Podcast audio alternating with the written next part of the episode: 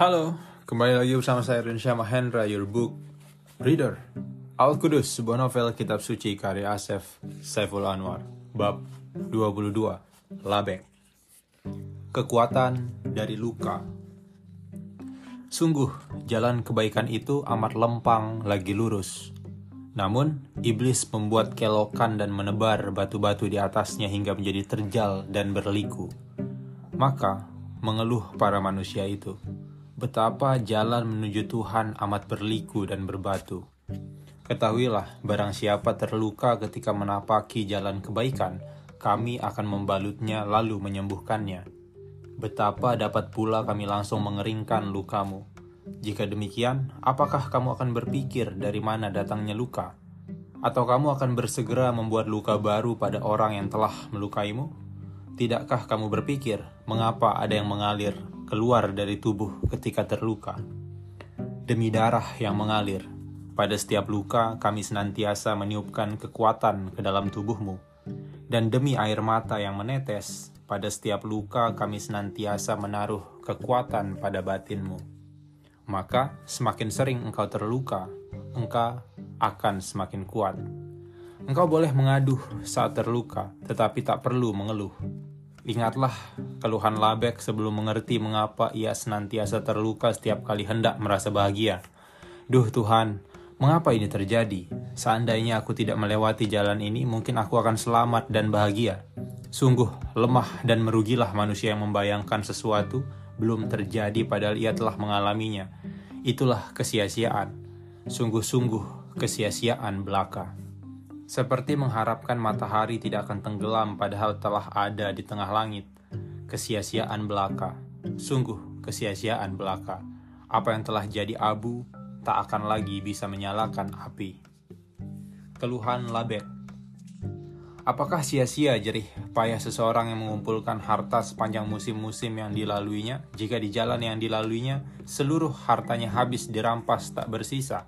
Bukankah karena perampasan itu ia semakin tekun mengumpulkan hartanya kembali? Bukankah pula ia akan insyaf bahwa pada hartanya kami titipkan hak orang-orang miskin? Sebatang kera, sebatang kara, lemah, dan yang hidup sebelah, Lalu apakah kamu tetap berkata betapa sia-sia usaha yang telah dilakukan?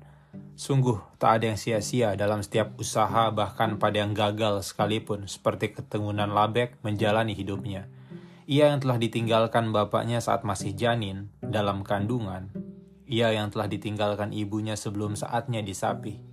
Ia yang diasuh sepasang petani di lereng gunung itu berkata di usianya yang belum genap sembilan Bapak, mengapa harus kita mengusir burung-burung yang hendak memakan padi yang kita tanam? Apakah tidak lebih baik bila kita berbagi dengan mereka? Hanya sedikit, Bapak, hanya sedikit. Anakku, kita tidak mengusir mereka kecuali mengajarkan rasa sabar. Kita akan berbagi setelah panen datang. Bukankah engkau sering menyaksikan ibumu demikian tekun menebar beras di halaman depan rumah tiap pagi dan sore? Lalu, burung-burung itu menyantap dan sebagiannya mengemas dengan paruhnya untuk keluarga mereka yang ada dalam sarang. Lalu bagaimana dengan tikus yang kita asapi ilalang? Aku tiada pernah melihat ibu mengumpulkan tikus dan memberinya makan. Anakku, kami menemukanmu sebagai bayi di sebuah gubuk di tengah hutan menuju gunung itu. Barangkali sebelum kami menemukanmu, engkau telah bergaul dengan binatang-binatang hingga kini kau ingin membalas budi baik mereka. Tidak, Bapak, tidak. Sesungguhnya aku anak orang yang telah penuh kasih mengasuhku, anak engkau dan istrimu, dan binatang-binatang itu tak mungkin pernah bergaul denganku yang masih bayi. Hanya saja, Bapak, aku kerap melihat kesedihan di mata burung-burung yang tak jadi mematuk padi, dan di mata tikus-tikus yang berlari terbirit meninggalkan sawah. Sungguh besar rasa cintamu pada mereka, namun cinta yang kuat dapat membuat perasaan menjadi lemah. Apakah engkau telah tahu kalau burung tak hanya memakan padi? Apakah engkau telah tahu pula kalau tikus adalah hewan yang rakus dan tak suka cahaya? Dan apakah engkau tahu pula bahwa tikus lebih banyak mengerat sesuatu daripada memasukkannya ke dalam perut? Tak perlu engkau jawab, anakku, tak perlu engkau jawab. Engkau akan tahu segalanya bersamaan dengan tubuhmu yang tumbuh di alam raya ini. Namun, agar engkau mengerti, musim depan kita akan berbagi sawah Sawah yang di kanan rumah akan kami, aku dan ibumu, tanami dan kami jaga serta urus hingga musim panen tiba. Sementara sawah yang ada di kanan rumah akan kita, engkau, aku, dan ibumu tanami, lalu engkau jaga serta urus sawah itu hingga musim panen datang. Kami tak akan meminta hasil panenmu, dan engkau tak boleh meminta hasil panen kami. Apakah yang lebih rutin selain musim? Angin-angin kami gerakkan ke selatan dan utara sementara manusia menduga-duga apakah awan-awan akan membentuk mendung dan menurunkan hujan. Apakah yang lebih rutin selain musim? Matahari yang tetap bulat dan rembulan yang kami tampakkan berganti-ganti wajah di matamu, sementara manusia menduga-duga apakah laut akan pasang atau segera surut.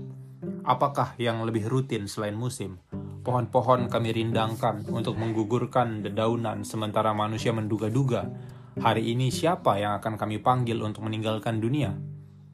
Dan musim yang dijanjikan itu datang dengan tanah yang gembur, mereka tanami sawah di kedua sisi rumah, sementara bapak dan ibunya berjaga siang dan malam. Ia biarkan sawahnya tumbuh tanpa kewaspadaan. Dari waktu ke waktu, disaksikannya padi itu tumbuh kian tinggi dan mulai berisi.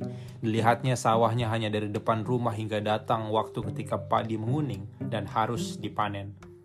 Ditebaslah padi yang paling dekat dengannya. Padi yang dilihatnya setiap hari makin berisi. Terkuatlah bagian tengah sawahnya Menangislah ia ketika melihat bagian tengah sawahnya kosong melompong. Apa yang ditanam telah raib lebih dari sebagiannya. Berkata ibu asuhnya, "Mengapa engkau menangis, anakku? Bukankah bagian itu telah kau berikan kepada burung dan tikus?" Berkata bapak asuhnya, "Apa yang engkau hasilkan adalah apa yang engkau usahakan. Bukankah engkau hanya melihat bagian depan tanpa berusaha mencari tahu apa yang terjadi di dalamnya?" Berkata Labek pada dirinya sendiri, "Duh Tuhan, mengapa ini terjadi?" Seandainya aku lebih berjaga-jaga, mungkin tidak akan terjadi seperti ini. Jangan menangis, anakku. Engkau tetap dapat makan dari apa yang kami panen. Tidak, ibu. Apa yang telah disepakati tak dapat ditarik kembali. Aku akan berusaha untuk mencari makananku sendiri. Aku akan memanggul hasil panen kalian dan menjualnya di pasar dekat istana. Aku akan mengambil upah dari apa yang aku panggul. Tidak bisa, anakku. Kami menanam bukan untuk dijual, kami hanya menanam untuk kami makan, dan selama ini kami memberimu makan dari apa yang kami tanam. Kalau kamu hendak benar-benar bekerja, kamu bisa menawarkan tenagamu pada mereka yang bertani di bawah lereng gunung. Maka turunlah Labek untuk menawarkan tenaganya. Ditolak ia berulang-ulang oleh setiap orang yang ditemuinya. Ketika datang satu kesempatan, ia malah tak sanggup memanggul beban yang dipercayakan kepadanya maka menjadi tercenung ia di dalam dirinya sendiri. Menjadi sadar ia akan tubuhnya yang kecil dan tenaganya yang amat sedikit. Kami beri ia pengetahuan akan beban di benak yang sering kali lebih berat daripada beban di pundak. Berkatalah seseorang yang menemuinya duduk di tepi jalan. Wahai anak kecil, apa yang sedang kau lakukan? Aku sedang berpikir apa sebaiknya aku dapat, apa yang dapat aku kerjakan jika tak memiliki tenaga yang besar. Berkatalah orang tua yang tak dikenalnya itu, apa yang selama ini pernah engkau kerjakan? Aku pernah menanam padi dan menjaganya hingga panen, tetapi gagal. Maka benahilah kegagalanmu dengan menanam sawahku dan jagalah hingga panen. Tapi bagaimana aku bisa mendapatkan makanan sebelum panen datang? Asal kau mau tinggal di rumahku untuk menjaga sawahku dalam tiga musim, engkau akan kuberi makan hingga tiga musim panen. Apakah yang lebih rutin selain musim? Angin-angin akan kami gerakkan ke selatan dan utara sementara manusia menduga-duga apakah awan-awan akan membentuk mendung dan menurunkan hujan. Apakah yang lebih rutin selain musim? Matahari yang tetap bulat dan rembulan yang kami tampakkan berganti-ganti wajah di matamu, sementara manusia menduga-duga apakah laut akan pasang atau segera surut. Apakah yang lebih rutin selain musim? Pohon-pohon kami rindangkan untuk menggugurkan dedaunan, sementara manusia menduga-duga, hari ini siapa yang akan kami panggil untuk meninggalkan dunia. Berbahagialah ia yang telah berjerih payah sebab pasti akan ada hasilnya. Tiga musim berturut-turut, padi yang menguning memenuhi sawah tetap utuh setiap kali dipanen. Betapa senang tuannya pada hasil kerjanya. Diterimanya upah yang berlimpah.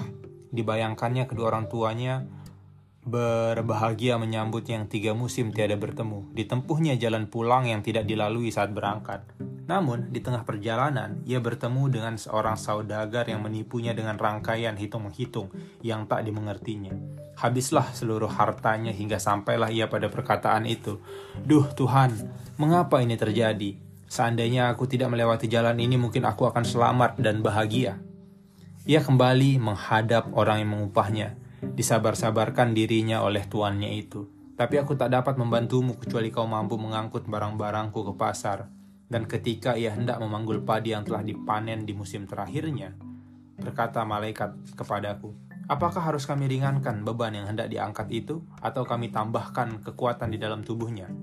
Aku tiada menjawab sebab kekuatan dalam tubuhnya telah bertambah semenjak ia menjaga sawah tuannya. Demikian tekun ia berlatih setiap hari mengangkat batu-batu besar mengelilingi sawah yang dijaganya dan duduk di atasnya untuk istirahat. Air matanya berubah jadi keringat, tenaganya yang kian menjadi besar, mengagetkan tuannya. Alangkah kecilnya tubuhmu dibandingkan dengan apa yang kau panggul. Berkata ia, sesungguhnya beban hidup itu lebih berat daripada apa yang aku panggul. Dan kekuatan sesuatu tidak dapat dilihat dari ukurannya. Sepanjang mereka berjalan ke arah pasar, datang olok-olokan kepada tuannya. Betapa kejamnya engkau menyiksa anak kecil untuk keuntunganmu, tuan. Berkata ia kepada tuannya, Tuan, Maafkanlah dia yang tiada mengerti bahwa sesungguhnya engkau sedang menolongku. Disambutnya perkataan itu oleh yang lain. Wahai anak kecil, bila ia menolongmu, tiada mungkin engkau disiksa sedemikian itu. Ia tinggal memberimu makan, tak perlu berbuat kejam. Bukankah sudah tidak ada lagi perbudakan sejak sajuan diutus Tuhan? Berkatalah tuannya itu, Baiklah, aku tak akan lagi menggunakan tenagamu lagi, dan ambillah upahmu ini. Ia menolaknya, Tidak, tuan, sebab kita telah sepakat bahwa aku harus mengantarkan barang ini sampai ke pasar dan kau akan membayarnya bila pekerjaannya telah selesai. Maka, terus berjalanlah mereka hingga sampai di pasar dan ia mendapatkan upah atas jerih payahnya.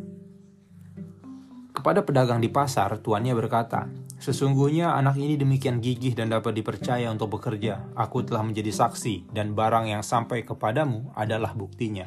Berkata pedagang itu, Sungguh aku pun turut menjadi saksi akan itu, maka aku persilakan anak itu bekerja membantuku. Berkatalah tuannya itu kepadanya, Tinggallah di sini untuk tiga musim, agar bekal pulangmu semakin banyak.